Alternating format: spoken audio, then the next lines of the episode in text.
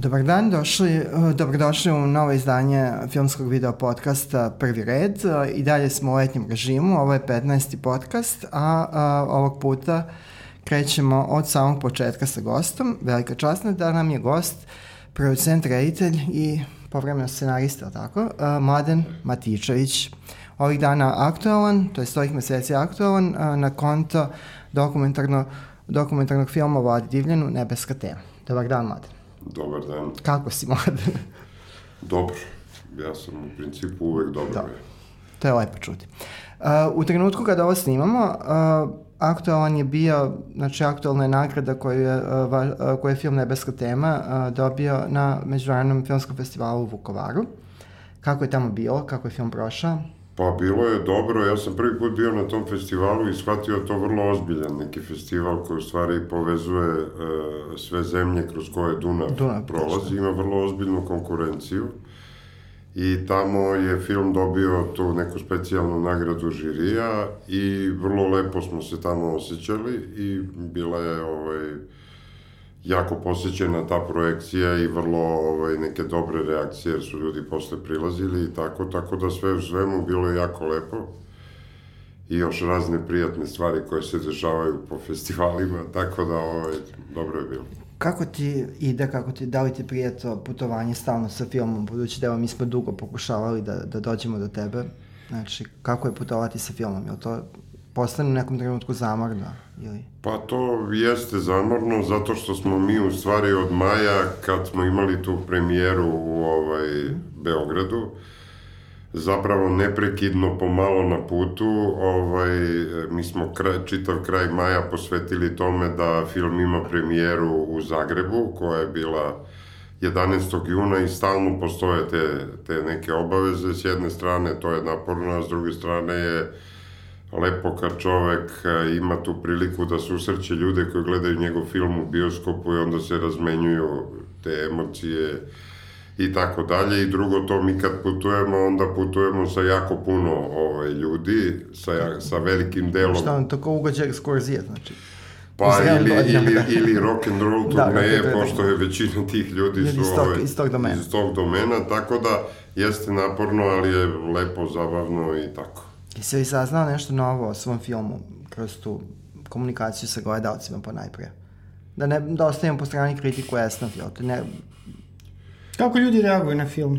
Pa ljudi... Uh, Ovako civili, mislim. Civili reaguju na to da kažu, ovaj, prvo smo se smejali i uživali, a onda smo plakali. S tim što sad to ljudi različito formulišu, pa neki kažu, ja, isplakali smo se siti na kraju, neki kažu čak sam i ja suzu pustio. A nije mi. A, a inače sam ono tough kamen, guy, da. inače sam kamen. I to je negde po meni, meni je to dosta ozbiljan kompliment, zato što mislim da na kraju krajeva svaki film, da, da, je, da ako film može da izazove to da se ljudi smeju i da plaču u okviru njega, da je to onda na neki način dobro. Sad, naravno, ljudi, e, pošto tu ima jako mnogo učesnika, jako mnogo muzike, jako mnogo bendova, onda ljudi ovaj, e, različito doživljavaju različite ljude, neki više vole ove, neki više vole one, neki kažu poneki kažu, a zašto nije ovaj bio u filmu, ili zašto nije bilo ovog benda. Ili zašto je neko bio. Ili zašto je neko bio. Možemo i o tome pričati, da. Naravno, da. Zašto je neko bio i onda se sad tu otvara polje koje je, naravno, beskrajno, jer e, sa temama kao što je Vlada Divljan, e, ljudi, e, svako od nas, pošto e, e imamo svi jak emotivan naboj prema tome, onda verovatno svako projektuje sobstveno viđenje ovaj, i te teme i ljudi koji bi trebali da učestvuju, to je naravno ok, ali u principu mislim da su reakcije vrlo dobre i da ljudi užasno emotivno reaguju na to, a to je negde neko polje koje mene jedino zanima u filmu. Znači i to je bio zapravo neki cilj, taj, taj emotivni kontakt sa, sa publikom. Mislim, ja, evo, ovaj, dozvolit ćeš mi da neki svoj utisak da kažem. Ovaj, ja sam ovaj film doživao između oslogi kao ljubavnu priču. Znači, to mi je nekako najjači utisak ostavilo. A, koliko si odustao ili nisi odustao ideje da daš jednu baš apsolutno sveobuhvatnu uh, sliku te scene, mislim koliko je to uopšte bilo moguće u 90 minuta filma ili 100 minuta i uh, koliko je zapravo fokus na taj odnos Vlade Divljane i njegove žene se tu pokazao kao koristan i dragocen. Pa ja kad e, sam objašnjavao ljudima koji nisu gledali taj film i kad sam pokušavao da objasnim u intervjuima kakav je to film, ja sam govorio upravo to da je ovaj, to ljubavno pismo svih nas divljano. Dakle, vi kad pokušate da radite nekakav dokumentarac o nekoj ličnosti koju smatrate velikom, morate da izaberete jedan određeni put. Da li je to nešto što je objektivizacija njegovog lika i dela, da li je to otkrivanje nekih nepoznatih stvari i tako dalje. Moja osnovna ideja je bila da odgovorim na pitanje ko je taj čovek koga smo svi toliko voleli i zašto smo ga svi toliko voleli. A onda sam kroz to, kroz tu vrstu priče pokušao da tome dodam i određenu količinu informacija, da bi prosto to zadovoljilo onaj osnovni nivo informacije i da bi zaintrigiralo ljude koji ne znaju o njemu dovoljno, da se mnogo više ovaj, E, pozabave tom temom. Dakle, to je pre svega jedna vrlo lična, intimna vizija e, tog čoveka i njegovog dela. Ako ja smijem da tumačim šta je film na kraju. Mene zanima da li ovaj Kako nastaje ovaj film u smislu kada se stavlja tačka na njega, budući da je dosta i arhivske krađe, dosta je sagovornika, a onda negde nije reč o živoj materiji, što se samog uh, junaka tiče, ali jeste živa materija u smislu našeg sećanja i sećanja sagovornika i značaja, pa kako se došlo do te tačke da je do, kako se došlo do trenutka da je stavljena tačka na, na rad na filmu, pošto je preposledno da je mogo da se i dalje preoblikuje da, Koliko je materijala recimo bilo snimljeno? E, ima jako puno materijala i jedan veliki, de, jedan ozbiljan deo toga nije ušao u to i postoji neka ideja da će se od toga praviti nekakva veća televizijska forma.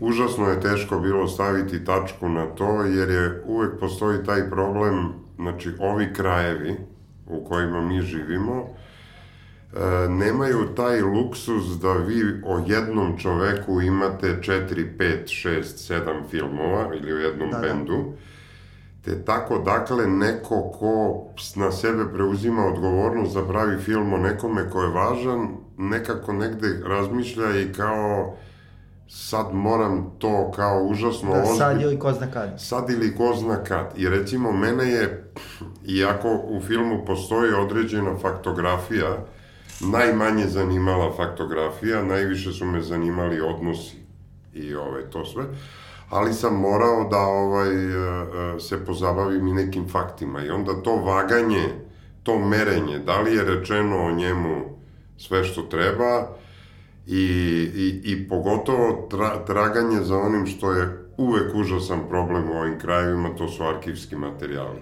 Jer arhivskih materijala, nažalost, ni o kome ovde nema dovoljno. Ili bar ne odgovarajućem kvalitetu ne samo u neodgovarajućem kvalitetu, nego kao vi imate puno e, divljanovih intervjua na ovim televizijama u našoj sadašnjoj zemlji koji su potpuno besmisleni. Ne besmisleni u smislu, mislim, koji su neupotrebljivi filmski. Jer su prosto nekakva notorna pitanja, pa mu onda ne dozvoljavaju da govori, da. pa ga seku. Pa sam onda našao, nalazio genijalne materijale, neke sa studija B, ali kao u kojima ima osam onih logotipa na studiju B i neko je pustio pesmu, instrumental pesme I am a woman in love od Barbara Streisand ispod, koja ide kao instrumental. I sad Divljan govori o tome kako su se Zdenko i on družili pritom su ga slikali kao da govori za dnevnik, on govori super, ali su ga slikali za dnevnik i onda je to, i onda je to kao kao je užas, kao ovo je dragocen materijal, ali kao mi ne možemo da ga da. koristimo zato što ne postoji način da to potpuno ne razbije film, ako stavimo. I onda je i užas, najveći problem smo imali sa ovaj traganjem za kvalitetnim arhivama.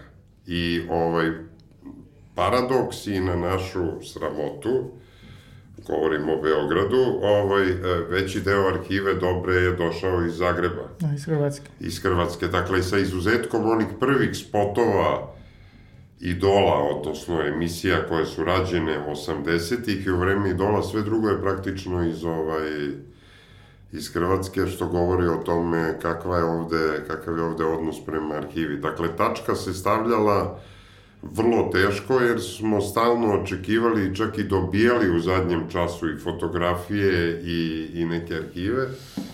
I dobro, u jednom trenutku smo naravno stavili tačku na ovu formu. Tako da, to je u tom smislu bilo vrlo komplikovano. E sad, što se tiče sagovornika, znači s materijalom je bio problem, jasno. E, da li je bio neki problem sa sagovornicima? Da li neko nije želao da se odazove, na primer, ili je tu bilo neke komplikacije? Ne. Svi ljudi koje sam ja zvao su ovaj, automatski reagovali pozitivno. Dakle, ne postoji ni jedan čovek koji nije hteo da učestvuje. Postoje ljudi za koje smo mi verovali da bi možda i oni i drugi trebali da učestvuju, pa onda je prosto bilo previše ljudi. On ima kao muzičar i kao čovek jedan potpuno poseban status ovaj, u svom, znači u svetu kolega, muzičara i drugih ljudi.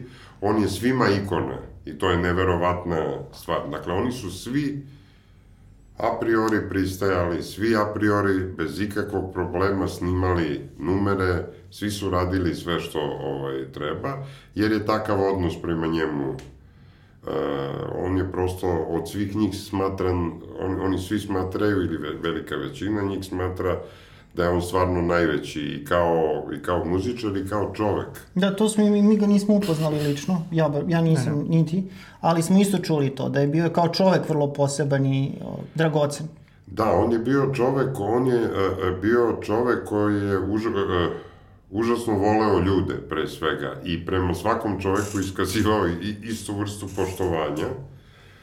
I, I imao je tu moć da onog momenta kad siđe sa scene, na kojoj je takođe bio šarmantan i ono, takav kakav je bio. Što smo videli u filmu, između da, ostalo. Da, se svičuje i postaje potpuno ono, običan i normalan čovek. On prosto nije imao potrebu da ima nekakav stav rock zvezde i tako dalje, tako da je ovaj, jako, jako jedan poseban čovjek bio. Pošto je volao ljude, ljudi su to osjećali i onda su imali ogromno poštovanje prema njemu. On je poseban bio u tom Kako teko taj izbor sagovornika? Pošto očigledno nisu mogli, mislim, nije mogo neograničen broj sagovornika da. u filmu da bude.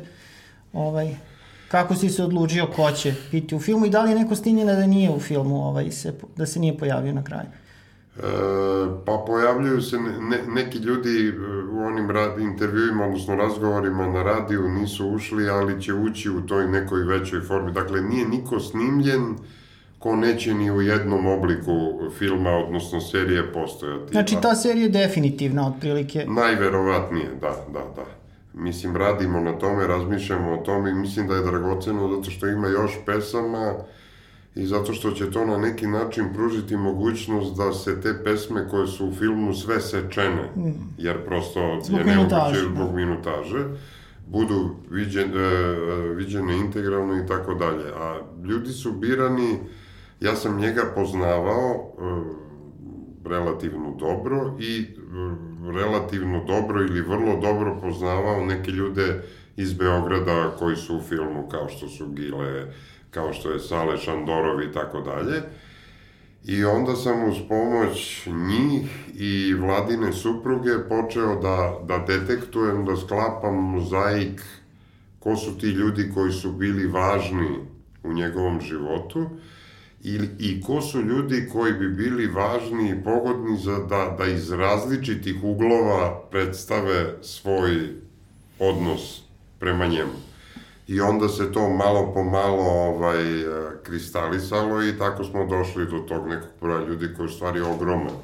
Jer se u filmu pojavljuje ono užasno veliki broj ljudi, ali je kriterijum bio neki lični odnos, odnosno različiti ljudi koji svi na neki način imaju lični odnos prema njemu, jer su svi iskazi ljudi u filmu, ovih ljudi koji govore u voice-overima potpuno lični, oni su prosto... Tako da je to bio neki, naravno ja sam pogotovo u Zagrebu upoznavao nove ljude, neke e, koje, za koje uopšte nisam znao da postoje, ili ljude kao što je Max za koje sam znao da postoje, ali nisam znao koliko su bili bliski i tako dalje. Naravno, upoznao sam se i sa porodicom, ni, ni njegovu suprugu ja nisam pre a, filma poznavao sa decom i tako dalje, što je sad poseban bio jedan zahtevan zadatak za rad i komplikovan i tako dalje, tako da eto, prosto postepeno, ja sam jednu godinu dana e, razmišljao o tom filmu i pokušavao da dođem u priliku da se počne taj film. To je, dakle, dosta dugo trajalo. I onda sam imao prilike da te ljude odaberem. E, ajde onda da postavimo na pitanje koje često, vratno, mislim, nismo bivali u situaciji da budemo na tim promocijama, zašto nema u filmu Nebojša Krstića? Pa u filmu nema Nebojše Krstića zato što je ovo ljubavni film o Vladi Divljanu, to je ljubavno pismo, a Nebojša Krstić je u nekoliko ovaj, navrata pokazao, čak i kada je Divljan već otišao, pokazao jednu vrstu netrpeljivosti prema Divljanu i ja ga ne doživljavam kao Divljanovog prijatelja. To je s jedne strane, druge, s druge strane mi nismo hteli da u ovom filmu otvaramo nikakve kontraverze koje su moguće u rock filmovima. Zašto se raspao neki bend? Ko je sad Dobro, sa kim? Dobro, to je legitimno. Ne, to je legitimna to, to je le... dimenzija da... Da, to je legitimna dimenzija samo onog momenta kad vi ulazite u to, onda sebi uzimate da. prostor... Da preomite da li ovo ili ono. Da. Tako je. Da.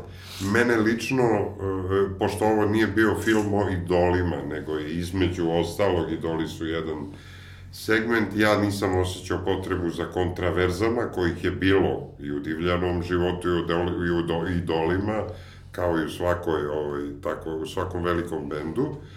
Prosto Nebojša Krstić nije divljano prijatelj i nije ovaj, na neki način me uopšte zanima. On se pojavljuje u onoj meri u kojoj treba na fotografijama. Da, arhivska građa. Da. I faktografski i u spotovima, dakle, naravno, mi smo za Da nije blurovan. ne, ne, ne, ne, ja prema Nebojši Krstiću nemam apsolutno nikakav odnos, niti me zanima uopšte kao neko kakome bi uspostavljao odnos. Ovi koji su bili drugi iz idola u relevantnim odnosima sa Divljanom, dakle e, Zdenko Kolar i Šaper su tu, ovi bubnjari koji su bili negde važni se pominju u nekim segmentima, ali ovaj prosto nije, nije, nema, nema mesta za Krstića. A kad se razmišljao kako približiti, mada je Vlad Divljan transgeneracijski heroj u tom smislu muzike, a kad se razmišljao kako se približiti mlađe generacije, tu bilo nekih, nekih dilema, prepostavljam da i da prestartu iz tog, iz tog ugla e, priča došla. Da. Pa da, ja sam shvatio u jednom trenutku da, ovaj, e, pošto smo mi svi koji smo ta generacija, mi smo starci. Da. I ovaj, ja sam shvatio da ovaj, e, jedna od potencijalnih grešaka tog filma da to bude film u kome starci govore da, o... Da, komemorativni starački film. To je. Tako je. U kome i na, na čelu sa starcem rediteljem koji ono sa sedom bradom se prisjeća kako je to je bilo strava kad sam imao 17 godina i tako dalje. I onda sam shvatio da moramo da imamo i neku drugu vrstu perspektive. Dakle, i neku srednju generaciju i neku uslovno rečeno mlađu generaciju. I tako su, i onda smo shvatili takođe da ovaj, e, e, to, a, a paralelno je, razmi, smo razmišljali o tome da nije dobro da sve pesme u filmu izvode njegovi drugari, jer je to sad opet ista ono kao priča. Da, mislim čisto ako ljudi ne znaju koji gledaju podcast da nisu pogledali film, znači moramo da ih sada izgrdimo i da to isprave što da, to, je, da, to, da. to je ozbiljan kako Jeste. da, ovaj, da, da, da, kako to? Znači koncept filma između ostalog jeste da zapravo kom, muzičari izvode kompozicije i pesme koje, koje Vlado Divljan komponov izvodio. Tako je, i rade to u svojim nekim verzijama, neke verzije liče na originalne, neke su potpuno različite. Jesu oni tu imali potpunu slobodu u smislu tih obrada? I... Ne, mi smo se dogovarali i bilo je tu i po, tu, tu sam se ja dosta umešao jer sam nekako ovaj, želeo da malo utičem na to. Naravno, oni su, to su sve velika imena, imali su ovaj, e, svoj udeo u tome. I onda smo došli uh, do nekih ljudi kao što je recimo Stray Dog ili kao što su ove devojke iz zemlje Gruva i Ida Prester i tako dalje. Moram da kažem da je ovaj da ja na moju sramotu pre početka ovog filma nisam znao ko je Stray Dog i da je naš drug Aca Pavlić ovaj zaslužan Zaplakao. Zato, ne, ne, on je... On ne, nego mi se zaplakao na tu informaciju, što ti to ne znaš. Da, da, zapla, zaplakao, zaplakao je, da. I onda mi je, kad smo ovaj, nešto bili u Zagrebu, o, pošto smo mi razmišljali, bila je glavna tema među svim ovim starijim muzičarima, ko će da peva nebesku temu. Jer to oni svi zovu sveta pesma. Da, svi su hteli, Svi su hteli, I, ali sad niko neće da kaže meni pripada to, kao jer su naravno, svi su šmekeri, svi su kult, kultivisani tipovi.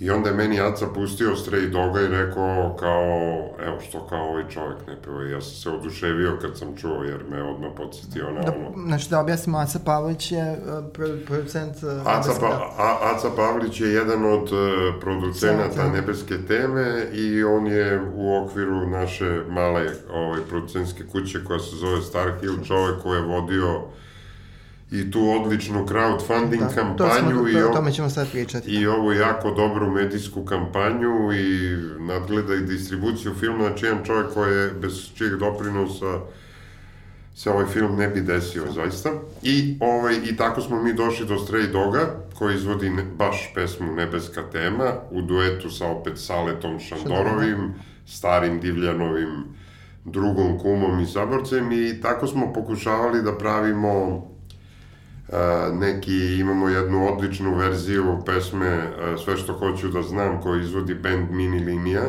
koja nažalost nije ušla u film takođe, može da se vidi na našem ovaj, sajtu i Facebooku, ovaj, koja je odlična, odlična, dakle ima, ima znači tih ljudi iz njegove generacije, ima ljudi iz neke uslovno rečeno srednje generacije, ima uslovno rečeno mlađih ljudi, jer smo pokušali da nekako tu muziku uh, predstavimo kao nešto što, jer ja verujem da, svi, da, da, da veliki autori, velike pesme dozvoljavaju različite interpretacije. Da, i van vremenski su. I, i van vremenski su, ali dozvoljavaju, jer vi kad imate neku pesmu koja nije dobra, pa je obrađujete, to onda mučenje, ali divljan, mislim, pritom nije divljan lak za obradu, ali dozvoljava razne Da, razne iščitavanja.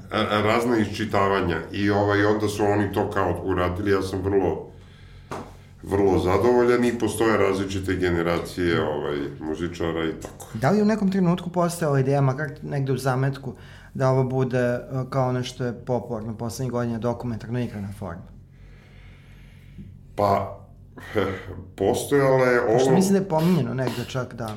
Pominjeno je ne, ali to je, jedna, to, je, to je jedno tumačenje nečega što sam ja nekad govorio. Dakle, ovaj film je naravno dokumentarni, ali i sad, sad mi naravno možemo da uđemo u diskusiju oko toga šta je, šta je dokumentarni film. Mi smo pokušali da on je dokumentaran u onom smislu u kome su aktuelni ljudi predstavljaju sami sebe, ali je u smislu pristupa izboru nekih ambijenata, situacija, događaja i tako dalje. On koristi neke instrumente igranog filma, koji ima neku određenu narativnu strukturu koja možda pripada igranom filmu i ima po meni ono što je meni najdraže, on ima, e, bar za mene i za neke ljude s kojima sam pričao, jedan moment kada vi paradoksalno gledajući neko ko je bio realan čovek, da gledate dokumentarni film, ali počinjete da se emotivno identifikujete uh, sa njim, odnosno njegovim životom, sa njegovim prijateljima, sa njegovom porodicom i tako, dakle, uvlači vas na način koji je možda bliži igranom filmu. Dakle, ovde nema igranih za one koji još nisu gledali film, nema dakle insceniranih igranih da, da. situacija, ali je taj, taj postupak zapravo nije e, e, daleko od toga. E, nije daleko od toga sa vrlo jasnom namerom, jer ja sam, osim što kao sam veliki ljubitelj rock and rolla, uvek imao taj užasan osjećaj da je taj novi talas koji je muzički strašno važan bio i strašno je kvalitetan, on je uvek u vizuelnom smislu prikazan, to su uvek neki umorni ljudi Ja, talking heads, što bi koji rekao. po nekim kafićima sede i pričaju o svojim genijalnim karijerama, iza prolaze trolejbusi, automobili, ljudi i onda se ide na inserte. I onda sam smatrao da ovde i slikom i ambijentom njima treba da se da, a, kako bi rekao, ambijent ko kakav zaslužuju ili kakav... a, Tako da to, dakle, to nije film koji je igran, koji ima elemente igranog, ali ima neke mehanizme igranog i njegov vizuelni identitet je bliži igranom nego dokumentarnom filmu. Evo, da nastavim, da nastavimo negde u tom smislu ono što smo umanjali. Da li si ti zadovoljni gledanošću? Mislim sad to kao jedno, ajde, kao ma, manje ovaj umetničko pitanje, ali kao imajući vidio to dokumentarni film, Pa da, biografski. Da, Oko 10.000 evo za 7 nedelje je pogledalo u Srbiji, preko, samo da. preko, preko 10.000. Preko 10, ja mislim da sad već to ide preko 11, nisam siguran, ali mislim da je to... 10 i po sigurno. dobije. Recimo, Nađimo da. se na 11. Da, da, da, ne, nemam, nemam tačnu ovaj, cifru, ali mislim da je to ovaj, jako dobra gledanost. Ne znam kakvi su rezultati igranih filmova koji nisu ovi veliki bioskopski hitovi, ali mi se Da, ovo je dostojanstvena cifra sasvim za... i Da za mi pratimo da, dosta da, to, da, za igrani film. I Ovo za je za igrani, da. dostojanstvena Da. za kamoli art house, recimo. A da, A a, za dokumentarni, da. Ja sam zadovoljan i još više sam zadovoljan činjenicom da recimo on se daje u Beogradu u, ovaj, u Kombank ovaj, sali, Da. da. jednoj od sala. Dvorani jest. Dvorani, da. On znači igra neprekidno s- svaki dan od 16. maja u Beogradu. Znači uskoro će biti dva Da, meseca. I svake večeri neko odluči, dovoljan broj ljudi odluči da će da ide to da gleda. Da, da nije tako, ne bi ostao na repertoaru. Da, i to je meni, meni je to ovaj, jako drago i ja mislim da ako uspemo da sad tu neku distribuciju uradimo kako treba u drugim Meksiju republikama, da bi mogli da imamo ovaj, dosta ozbiljan rezultat, naravno imajući u vidu da je to vrsta muzike i vrsta junaka koji više nisu e, baš u modi kad su velike, široke narodne mase. Dobro, ali jeste Vidim. zajednički sadržatelj za ta tržišta, recimo, na Ne, ne, jeste, jeste, ali je Da, ali prosto prošlo vreme, da. rock and roll je nešto što je sada, kako bi rekao, ko ono, kako da kažem, ko, Stvar prošlost. ne stvar prošlosti, nego stvar malih nekakvih izolovanih, Aha, da. ono, Grupa, da. grupa ljudi koji, kako da Dobro kažem, sreća, pa je publika koja ide da gleda taj film zrelija, to je publika onda koja ima novce pa može da investira u to. Da, i to je prilično verna publika, čini mi se. Znači, da... Jeste, ali, e, ali mislim da je ograničen. Na, Jeste, na našu, to to, ne govorim ispred, zbog filma, nego Jasno. govorim zbog naših životnih pozicija. Naravno, da. Da, mislim, potpuno je sumno da neko- neko ide da gleda film u Vladi Divljano, da ništa o njemu ne zna i da mu ništa ne znači. Tako je. Da, dakle, taj film nikako ne može da ni iz jednog razloga pređe u Da. tu vrstu ovaj, ljudi. Da. Tako da mislim da shodno broju ljudi koji idu ovde na koncerte ili prate rock and roll i tako dalje je ovo ogromna gledanost. U Hrvatskoj je krenuo redovnu distribuciju. Jesam ja to dobro... E, ne, u Hrvatskoj je u Hrvatskoj je on imao premijeru u Lisinskom, što je isto događaj bez presedana u Zagrebu, jer tamo nije imao premijeru ni jedan film 10 godina, koji je Krcat Lisinski, to je 1850 ljudi na premijeri u Zagrebu. Iza toga je imao jednog dana neke kao mm, početne projekcije ovaj, u Zagrebu, u Rijeci i Splitu, mislim, ali prava distribucija kreće od 1. septembra u Hrvatskoj. Dobro, što je i logično, da. jer je procenjeno da bi to more raspusti i tako dalje moglo da mu, da mu naškodi i iza toga paralelno s tim Bosna, Slovenija, Makedonija i tako dalje, svugde gde budu želeli ljudi da... Ovaj, A kako je došlo do toga da u Srbiji zapravo Star Hill uh, distribuira film u bioskopima? Je li to svesna odluka bila, stici okolnosti, sila Pa, prilike? To je sve, to je svesna odluka bila jer ovaj e, nažalost distributeri u svim zemljama jel, imaju jedan Znači, vi kad uđete u bioskopsku distribuciju kao producent, vi imate jedan ozbiljan problem, jer vi shvatite da od 100 nečega vi ste napravili film, od sto nečega što ste vi zaradili filmom koji ste vi proizveli, finansirali i tako dalje, vama dolazi 20 nečega. Jer bioskopu, znači, podela, da bi ljudi razumeli, podela prihoda od bioskopske karte ide na sledeći način. Vi pustite to u nekom bioskopu, 100 dinara se zaradi, 50 odmah uzme bioskop.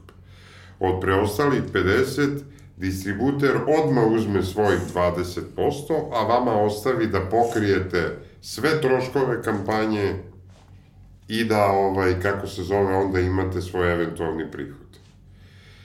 Pritom su to onako neke, neki Excel tabele, koncepti promocije filma, koji mislim da za ovu vrstu filma ne znači ništa. Ne, ne, ne.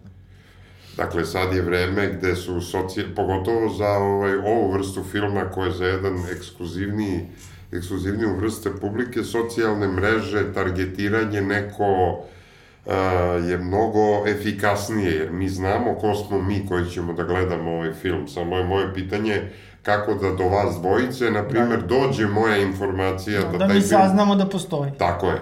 Jer I to, da poželimo. I da poželite da gledate, jer tog momenta, znači ja uopšte ne želim da radim široko, da sad svi u ovoj ulici, uh, mislim, drago bi mi bilo da neko dođe i onda smo mi izračunali vrlo prosto da nam je jeftinije da to distribuiramo sami i bolje.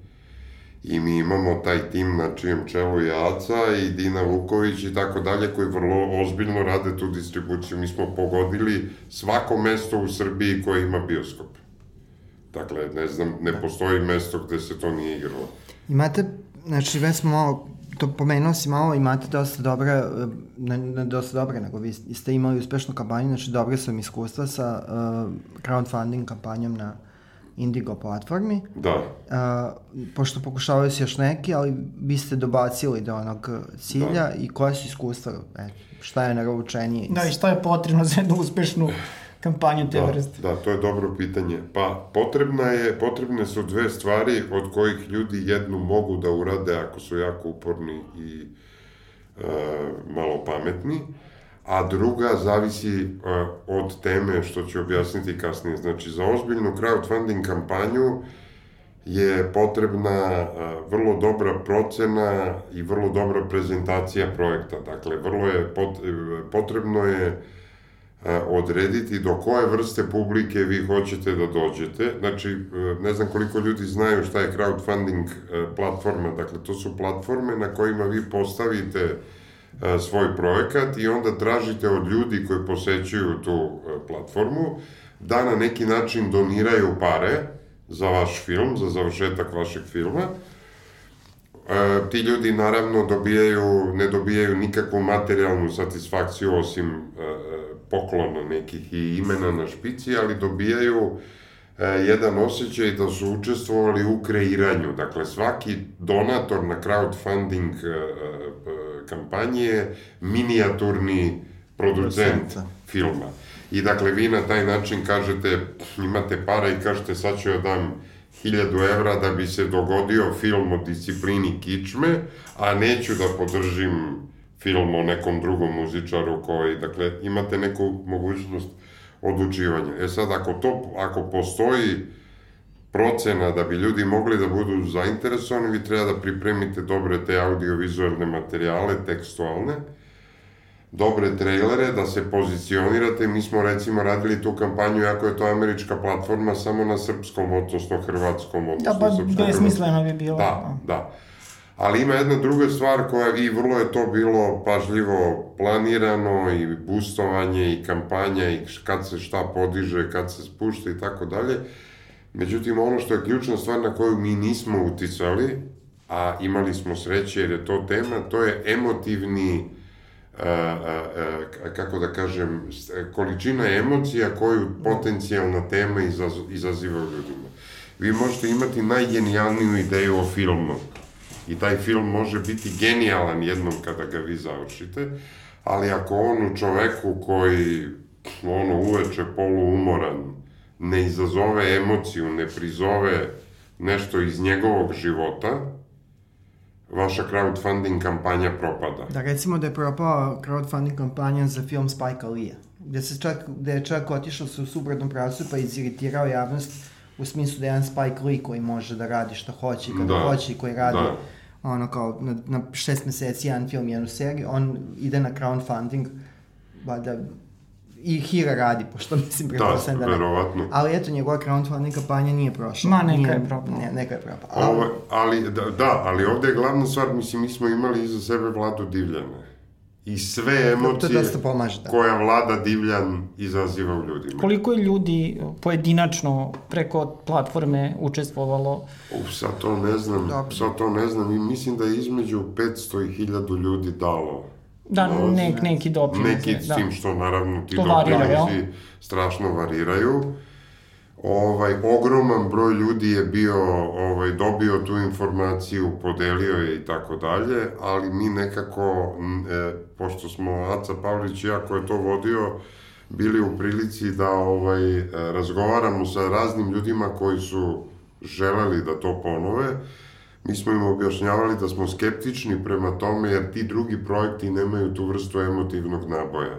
Tako je. Znači, vi meni ako kažete da hoćete sada pravite film o Darku Rundeku, a ja sam uz Darka Rundeka odrastao i imam pare, vi odmah imate moju emotivnu vezanu se to, jer se ja setim šta se meni lepo dogodilo uz Darka Rundeka. Ja mislim da je već snimljen film o Darku Ne, Rundeku. ne, Ali, govorim, primjer, kao, govorim kao primer, ali ako mi kažete nešto što kod mene ne izaziva ništa, Pa dobro, evo recimo Max koji se pojavljuje u, u filmu, mislim da ne bi izazvao tu vrstu emocije, bez obzira koliko značajan Max ne bi izazvao, redko ko bi izazvao, jedna od najvećih divljanovih stvari je što njega svi doživljavaju kao nekoga iz ono, ko, Kako radi. da kažem, ko rod rođeni, ko neku malu ikonu na zidu koja je to tu ti je sve vreme, pa sad...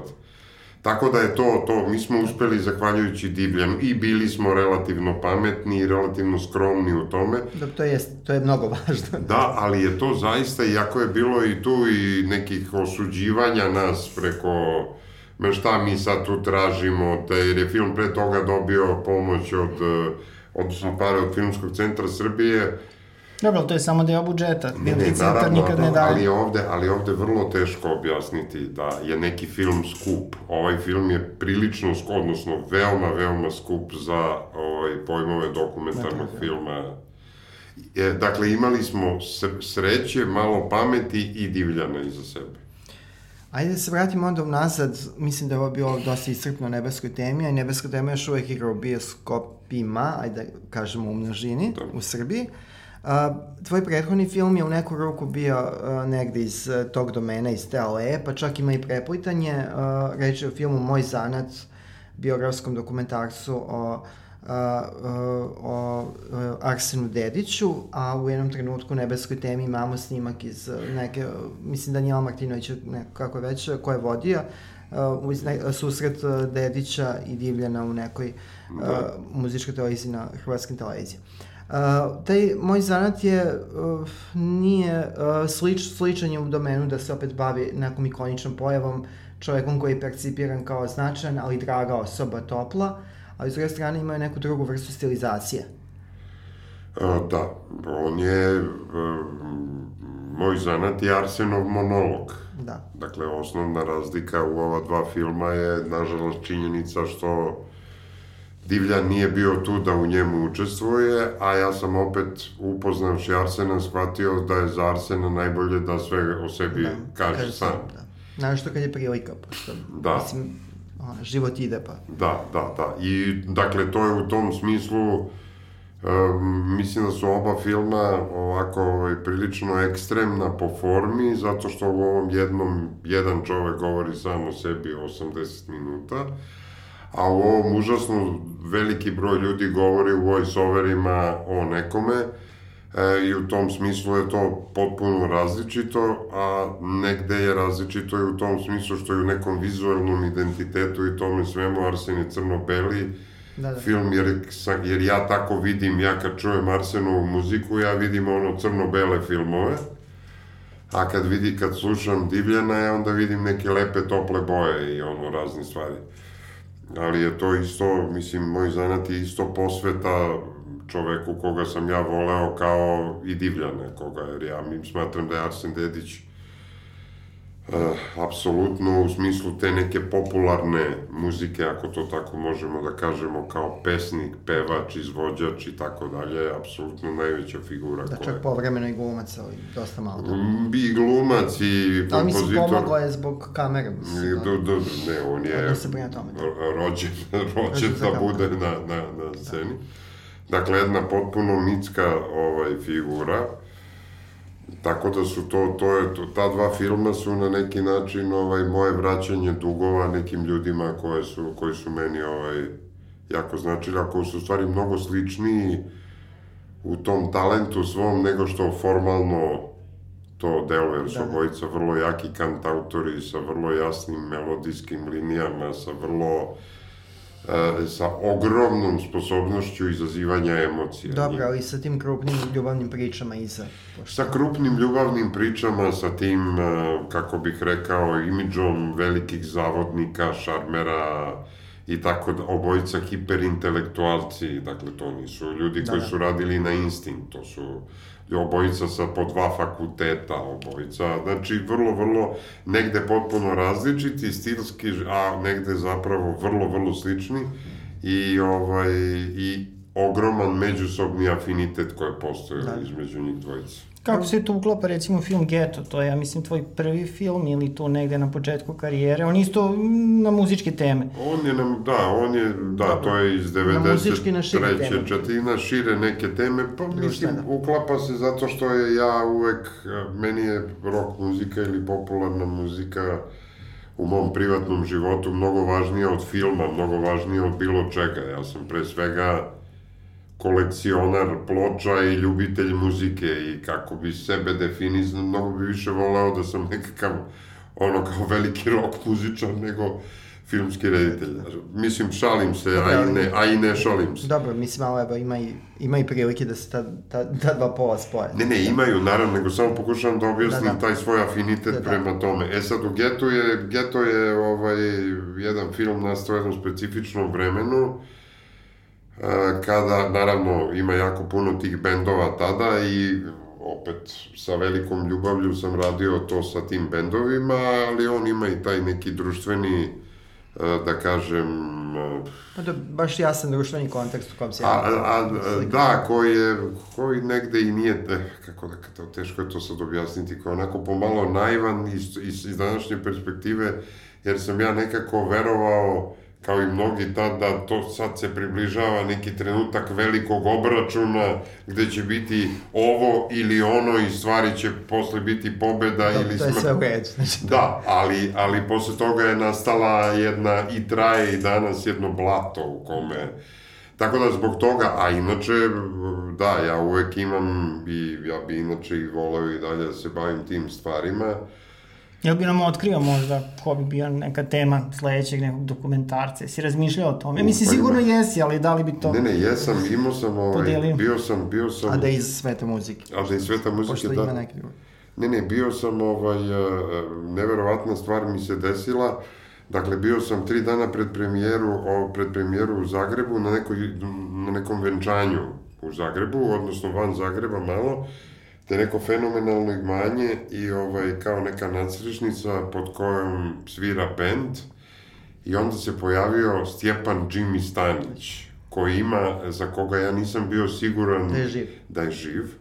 I imao je, i on ima 91 godinu i dva sata je pevao, između toga ima stand-up No, znaš, ovaj, to, na, to isto, da, iz TRS inače tako nastupao, to, to e, da, između kao... Da, da, ali je, evo recimo, to sad kao Uh, kad bi mi neko odma dao pare, kao ja bi odma proveo naredno. To treba požuriti onda.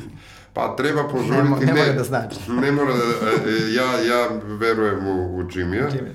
E, ima mnogo ljudi koji zaslužuju to. Užasno se loše ovde e, ljudi, a i filmađije odnose prema tradiciji popularne muzike i popularne kulture. Mislim da je to inače generalni problem koji nije samo pop kultura, nego mislim taj odnos prema kulturi i sećanju u tom praktičnom smislu. Naravno. Uh, mislim, da. svako ko se bavio ne, nečim, radom nečim pa unazad išao, nailazi na probleme nesređenih arhiva, užasnog, užasno ovaj, bahatosti da. i, i ovaj, uh, nemarnosti. aljkavosti, nemarnosti na svim nivoima, a pričamo da. o nekim krupnim ljudima i krupnim događajima. Da. Ja, ali čak i ta, slažem se potpuno, ali čak i činjenica zapravo koliko malo postoji, da, postoji mimo dokumentarnih toga, da. filmova o velikim da. autorima ovde, jer vi imate vrlo ozbiljne pevače, vrlo ozbiljne kompozitore, vrlo ozbiljne muzičare u svim sferama od 55. na ovamo. A koliko imamo dokumentarnih filmova ozbiljnih o nekim... Sad je malo se popravlja ta situacija, ali pa, polako. popravlja se, da, ali i dalje... Pa ne može da se stigne. Ali i dalje, po mom mišljenju, po mom mišljenju, nedovoljno, a kao... E, naravno, sve je to i pitanje para i tako dalje, ali nekako su ljudi u svetu su mnogo ažurniji i samim tim onda se otvara mogućnost da kao Bob Dylanu postoji 20 filmova i da vi uživate u svih 20. Pa čak i da se pravi ono kao komparacija. Da I da se pravi da... komparacija i da se sad mi najdobronamernije svađamo oko toga Naravno, da li je neko meni... napiše studiju o tome. Tako Dobro, ali i lakše ljudima u inostranstvu, njima su arhive dostupne, imaju ali da biraju. Siguran, nisam siguran da je to samo pitanje... Možda je stvar pokušaja. To je stvar pokušaja, to je stvar odnosa prema tome, jer mi imamo situaciju u kojoj Bob Dylan dobije Nobelovu nagradu. Slagali se mi ili ne sa time.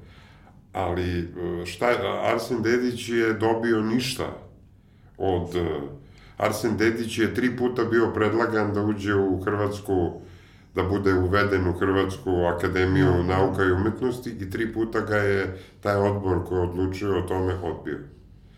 Čoveka koji je jedan od najvećih kompozitora, jedan od najvećih pesnika, on je na nivou poezije, posle Tina Ujevića, verovatno najveći ili jedan od najvećih hrvatskih pesnika. Yes. Dakle, sve su to isto, da ne govorimo o Beogradu i beogradskom odnosu prema beogradskim i srpskim, ono, da. kao... A da li, da li bi se usudio ili da li bi se, da li ima uopšte poriva razmišljanja na temu da, post, da opet bud, radiš dokumentarni film u kom bi bio i onako kao onom simpatičnom kako postati a, heroj? Ovaj, bio je jedan, u jednom trenutku sam imao vrlo jasnu ideju da napravim nastavak tog filma, koji, bi, koji je trebao da se zove ovaj, Kako ostati heroj, I to je bio film u kome sam ja imao ideju da preplivam La Manche. I ovaj, onda smo jedno šest meseci ispipavali od koga bi mogli da dobijemo pare za to i e, pokazano je ono kao nula ljudi je htelo da da nula dinara za, znači nijedno resorno ministarstvo sporta. On, on, dakle, apsolutna katastrofa i onda sam na svu sreću odustao jer je to mnogo da, ozbiljnije. Da, i, da. I zahtevno je fizički. I možda bi mi, možda bi mi to bilo negde na pola, da. na pola testament, odnosno da, da, da. Ovaj, delimično moj, a delimično... Da. Ovaj... To je bilo nešto ispravi sa mladene. Da, da, ovaj, da, da, da. Ajde popričamo kratko i o igranim filmovima, zapravo najviše o jedan film koji jako volim, a to je jedan na jedan, gde opet muzika igra. I ja volim Ovaj, značajnu ulogu. Kako, kako sada gledaš na taj film? On je imao neke specifičnosti. Je to 2003? A, mislim da čak... To je 2002. ili 3. ne mogu da, da se setim. Pa mislim, ja jako volim taj film, on je... Betonski western, kako bez, Da, da, da, da, da, on je...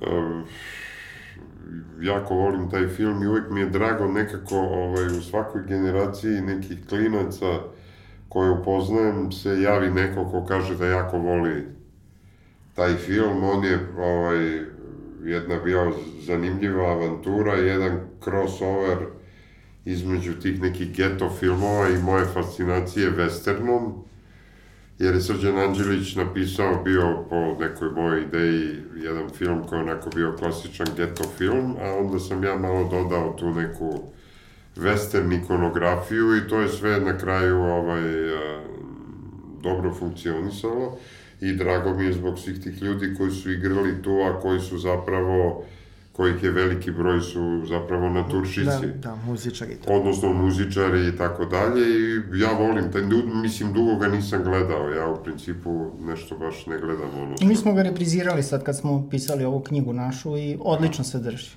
Mislim, pa, problem je kopije, mi. pošto sad ta kopija koja je dostupna nije da, baš... Da, da, da, to, malo, da, to je pitanje da, da producenata, ali ono, ja ga dugo nisam gledao, ali mi je jako drag. A kako ti sad u svetlu ovog televizijskog buma koji vlada u Srbiji, znači tog naletu serije izgleda uh, ono što si uradio sa serijom Neki novi klinci? Ti, I sa serijom Bes. U jednom razgovoru koji smo radili ti si istakao da, da, da si jako ponosan na taj, uh, na, taj, uh, na tu svoju seriju. Na neke nove klince. Da.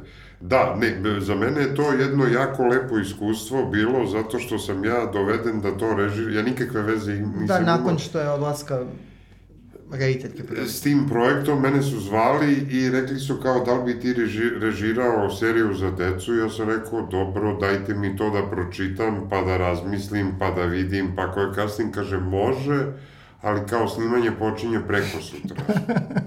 Ja sam kao pitao je to fora neka, ne ne kao sutra ćeš da dobiješ 14 epizoda i moraš da počneš da snimaš preko sutra.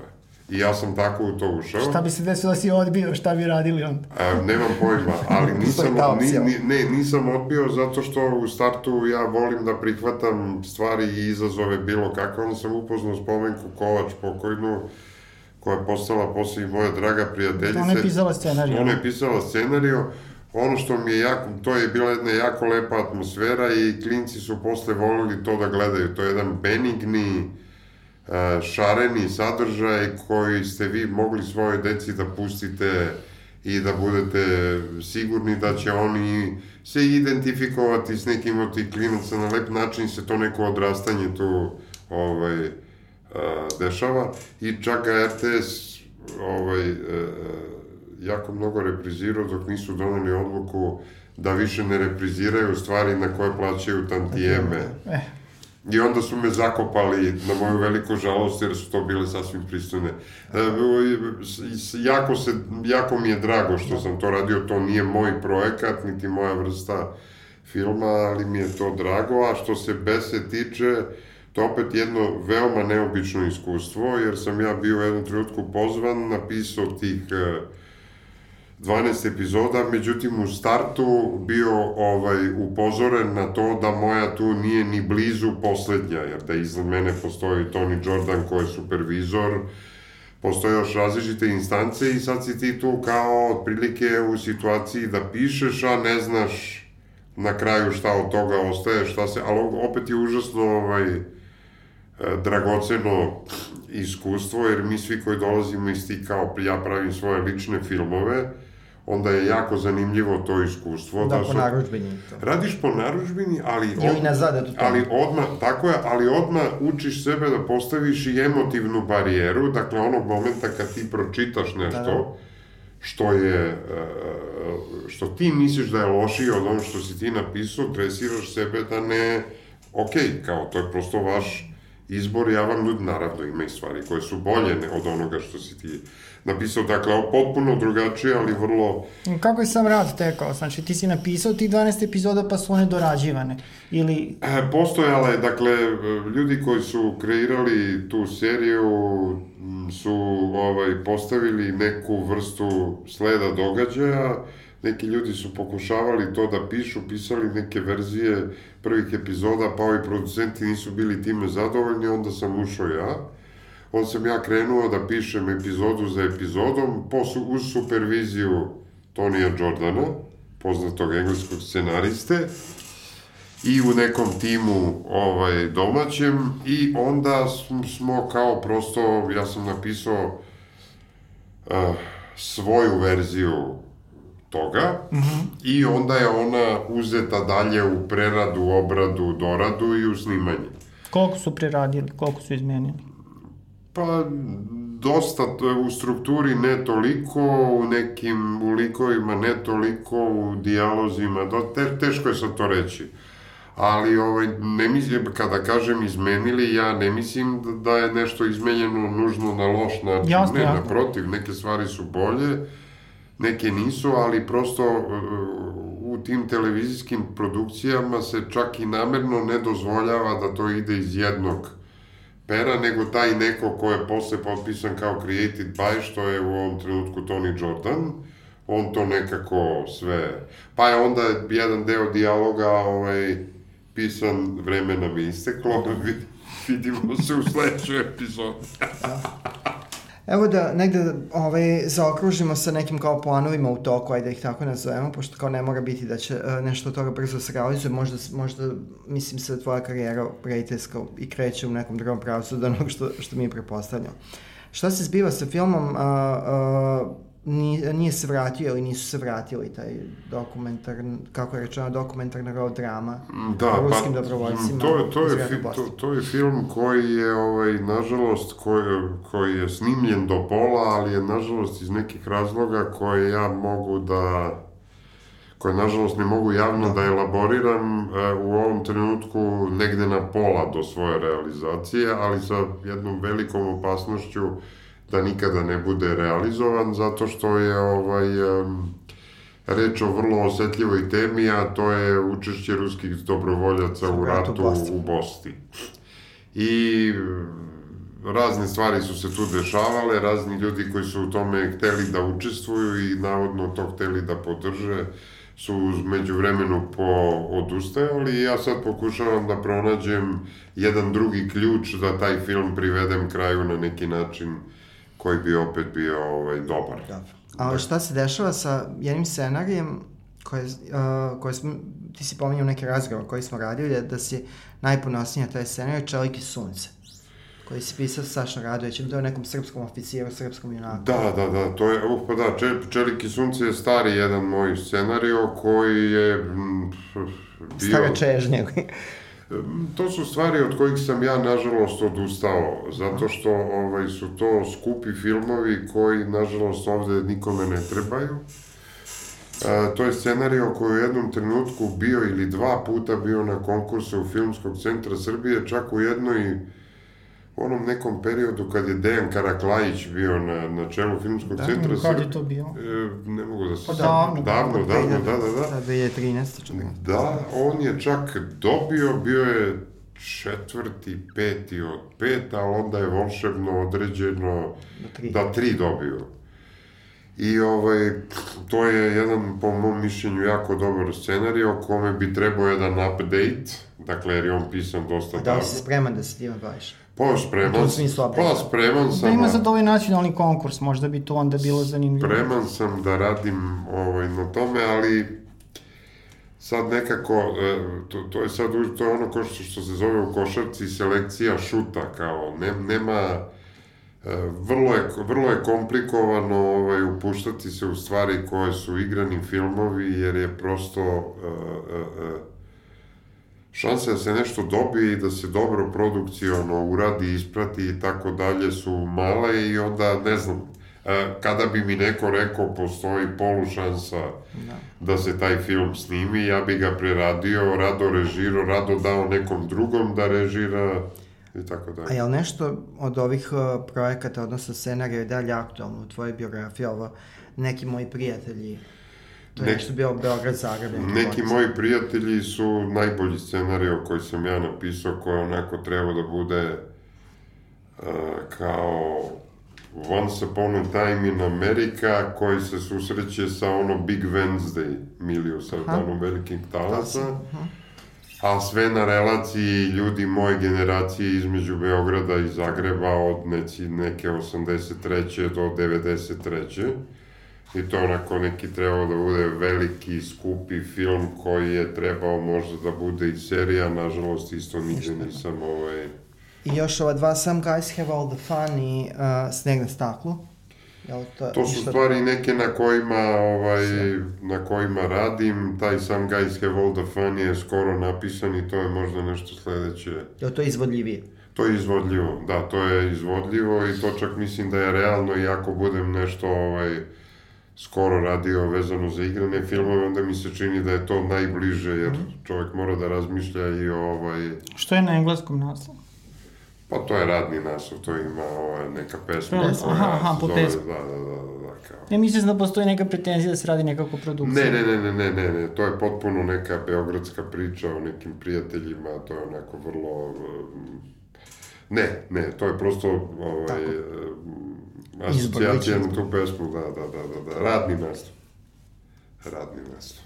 A, evo, ono što smo, da zaokružimo tu negde priču i da se vratimo na početak, šta je ono što sleduje uh, tokom leta, uh, to je ajde, tokom u drugoj polovini avgusta i u, u drugoj polovini jula i u avgustu uh, uh, nebeskoj temi. Pa gde, ne- gde putujete, gde idete? Nebeska tema bi trebala da od ovih stvari koje ja znam sada bude u Hrvatskoj u nekom festivalu u Vinkovcima, da ide u Sarajevo, da ide u Nikšić na neki, ovaj, neki veliki open prostor 1. augusta, da ide možda u Pulu, ali ne na festival, nego ćemo možda pokušati da izvedemo akciju ovaj, e, projekcije filma u ovaj, Pulskoj areni.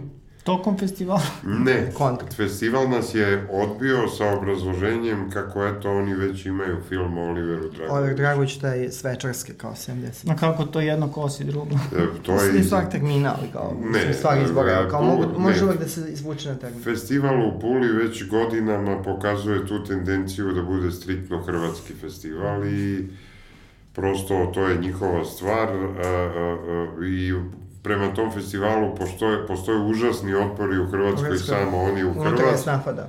Da, da, da, on je prosto sam sebe degradira. Mi opet imamo informacije, procene da posle Sava centra i 3600 ljudi ili Sinski 1800 ljudi da u Istri bi ova vrsta filma bila, gle, apsolutno bi napunili ovaj arenu. Arenu. Mi verujemo i veruju ljudi koji se time bave. Po, to ćemo pokušati, iza toga idu verovatno neki festivali kao što je onaj Liburnija film festival, onda ne znam, možda Alpe Adria, kasnije, to je u januaru. U svakom slučaju, bit ćemo na svim onim fes- festivalima e, koji dozvoljavaju ovu vrstu filma, jer je on ipak regionalno ograničen. Hoće li biti nebeske teme negde na otvorenom Beogradu? Trebala je da bude projekcija u studentskom gradu, koja je bila Da, ovih dana najavljeno, da. međutim kad su one katastrofalne kiše bile, Da, oni Tu su imali tamo havariju. tu, tu su imali potpunu havariju, ne znam, mislim, što, što da ne. Ne, to je lep prostor, mislim. Tu da. bi ja voleo, ja bi voleo da ovaj, ti mladi ljudi, ako ih to zanima, vide. Dakle, svakako, mi ćemo to puštati gde god i vidjet ćemo ovaj, kako će to da ide. Eto, to bi bilo to. Mislim da smo stvarno Da, dosta toga smo pokrili. ovaj, vredilo je čekati Mladena za gosta. Apsolutno. Apsolutno. Mladene, hvala što si došao. Hvala vama što ste me Đorđe, hvala pozvali. na... Hvala i hvala svima. Doviđenja. Do nekog novog filma. Da. Važi, hvala.